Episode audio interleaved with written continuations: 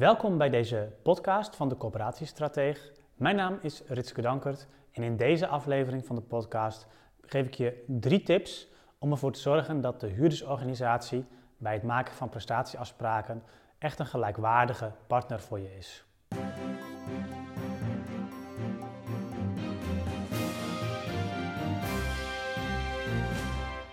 Huurdersorganisaties hebben in de afgelopen jaren vanuit de wet steeds meer positie gekregen om aan te schuiven en advies te geven of instemming te geven aan besluiten van de coöperatie en aan het beleid van de coöperatie. En inmiddels ook mogen ze aanschuiven bij het maken van de prestatieafspraken tussen coöperatie en gemeente.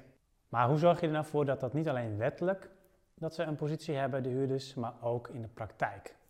Want je wilt natuurlijk graag, tenminste dat kan ik me zo voorstellen, dat je daar ook echt input uithaalt en dat de huurdersorganisatie ook echt een, ja, een, een, een waardevolle bijdrage geeft die uiteindelijk ook een beter resultaat oplevert. Een beter beleid, een betere prestatieafspraken.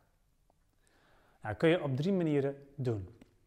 Een eerste tip is om ervoor te zorgen dat het kennisniveau bij de huurdersorganisatie vergroot is. Je moet je voorstellen dat binnen een huurdersorganisatie, daar zijn natuurlijk heel veel mensen van lid die niet dagelijks met al het werk van de coöperatie te maken hebben. Ze hebben vaak een andersoortige baan, um, die buiten de volkshuisvesting is. En ja, dus je kunt niet van ze verwachten dat, je, dat ze net zoveel uh, weten van het coöperatiewerk als jij als beleidsmedewerker die daar fulltime mee bezig is. Kun je gewoon niet van mensen verwachten, kun je niet van mensen vragen.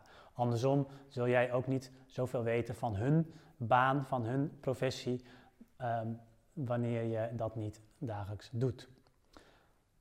Toch kun je natuurlijk wel zorgen dat mensen in ieder geval op strategisch niveau en op de hoofdlijnen goed op de hoogte zijn van de ontwikkelingen en ook van de keuzemogelijkheden die een coöperatie heeft.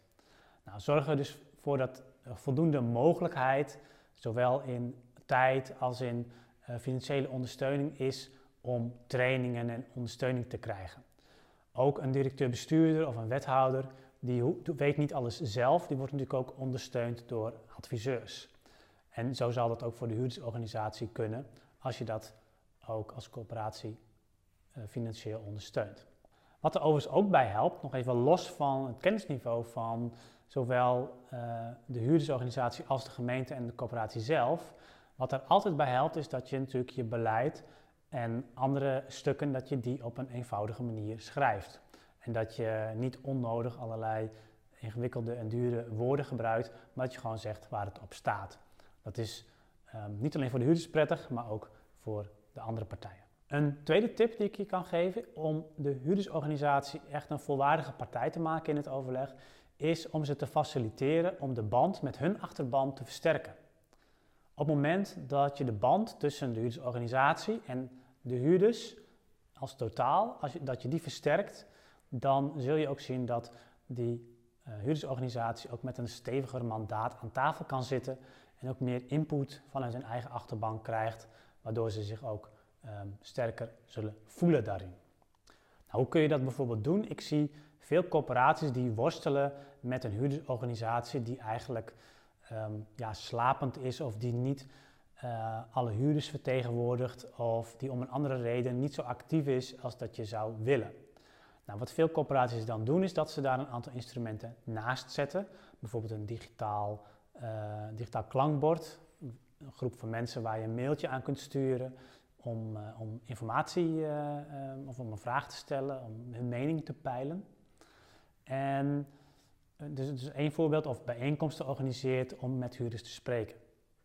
Nou, wat je kunt doen om juist ervoor te zorgen dat de huurdersorganisatie daar sterker van wordt, is dat je dat niet als coöperatie zelf gaat organiseren, al dat soort um, eigenlijk uh, manieren om buiten de huurdersorganisatie om toch nog in informatie van huurders te komen, maar dat je dat juist samen met de huurdersorganisatie doet en dat je eigenlijk ook de huurdersorganisatie in ieder geval naar buiten toe daarin de lead laat zijn en dat je dat als coöperatie vooral faciliteert. Dus met andere woorden, zorg ervoor dat niet jij als coöperatie zo'n digitaal uh, klankbord hebt, maar dat de huurdersorganisatie zo'n digitaal klankbord heeft. Zodat zij ook ja, het gezicht zijn naar huurders en dat huurders ook weten dat ze bij hen terecht kunnen om die informatie te delen of om hun meningen te delen. Je zult zien dat je huurdersorganisatie daar inderdaad veel steviger van wordt, omdat ze bijvoorbeeld ook input krijgen van verschillende groepen huurders en verschillende doelgroepen daarbinnen. En dat ze die op die manier ook veel beter kunnen vertegenwoordigen. Een derde tip die ik je kan meegeven is: zorg voor een overzichtelijk proces. Het is altijd handig, sowieso, om vooraf, voordat je een proces ingaat, om echt heldere spelregels met elkaar af te spreken. Hoe gaan we het aanpakken? En ook om van tevoren heel duidelijk met elkaar af te spreken wat zijn de inhoudelijke kaders. Dus waar gaat het wel over, waar gaat het niet over? Welke keuzes zijn misschien al gemaakt die wij nu niet meer kunnen veranderen, etc. Het lijken misschien open deuren, maar ik merk in de praktijk dat dat heel vaak ontbreekt of dat dat als vanzelfsprekend wordt aangenomen. Maar zelfs binnen corporaties, dus projectgroepen binnen corporaties, uh, maar ook bij uh, projecten met verschillende professionele partijen, zie ik in de praktijk dat op een gegeven moment ja, dat toch blijkt tijdens het proces dat de beelden daarover uiteenlopen. En dat de ene uh, persoon of de ene partij iets anders voor ogen had dan de andere. En ook andere verwachtingen heeft bij het proces. Nou, als dat al zo is voor professionele partijen, dan is het natuurlijk helemaal zo op het moment dat je daar ook een huurdersorganisatie um, bij gaat uitnodigen. Dus dan geldt nog sterker, zorg echt ervoor dat je aan het begin van het proces hele duidelijke afspraken maakt over waar gaat het proces over, hoe gaan we het aanpakken en ook uh, de inhoudelijke kaders van ja, waar kunnen we wel over besluiten en wat valt ook buiten dit project. Nou, ik hoop natuurlijk dat je met deze drie tips aan de slag gaat en dat je er ook uh, resultaat mee bereikt in de zin dat je huurders ook echt als volwaardige partner kunnen meepraten over de prestatieafspraken.